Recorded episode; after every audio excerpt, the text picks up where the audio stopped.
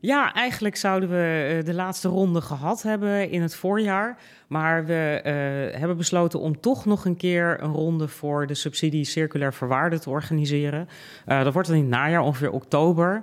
Er is nu een nieuwe strategie circulaire economie, ligt er in de inspraak. Dus er komt een nieuwe regeling die beter aansluit daarbij. Maar we dachten, het is anders zo lang de tijd en we weten dat er allerlei mensen in de stad bezig zijn met nieuwe ideeën, dat we het toch nog een keer organiseren.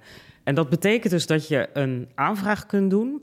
En dat je voor maximaal 15.000 euro uh, de aanvraag kan doen. Uh, en dan is er een commissie waar je voor moet pitchen. En de commissie bepaalt uh, uiteindelijk wie er geld krijgt en hoeveel. En die commissie bestaat uit iemand van de universiteit, van de Rabobank. En we hebben een derde lid en zij is werkzaam bij Airbus.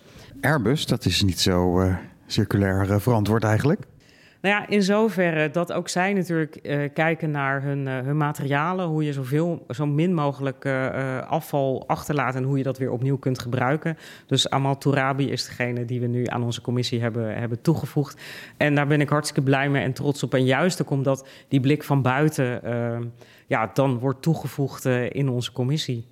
U vertelde dat de subsidie al eerder was. Hoeveel mensen hebben gebruik gemaakt van de regeling? Uiteindelijk hebben 34 initiatieven hebben, hebben geld gekregen en dat is heel divers.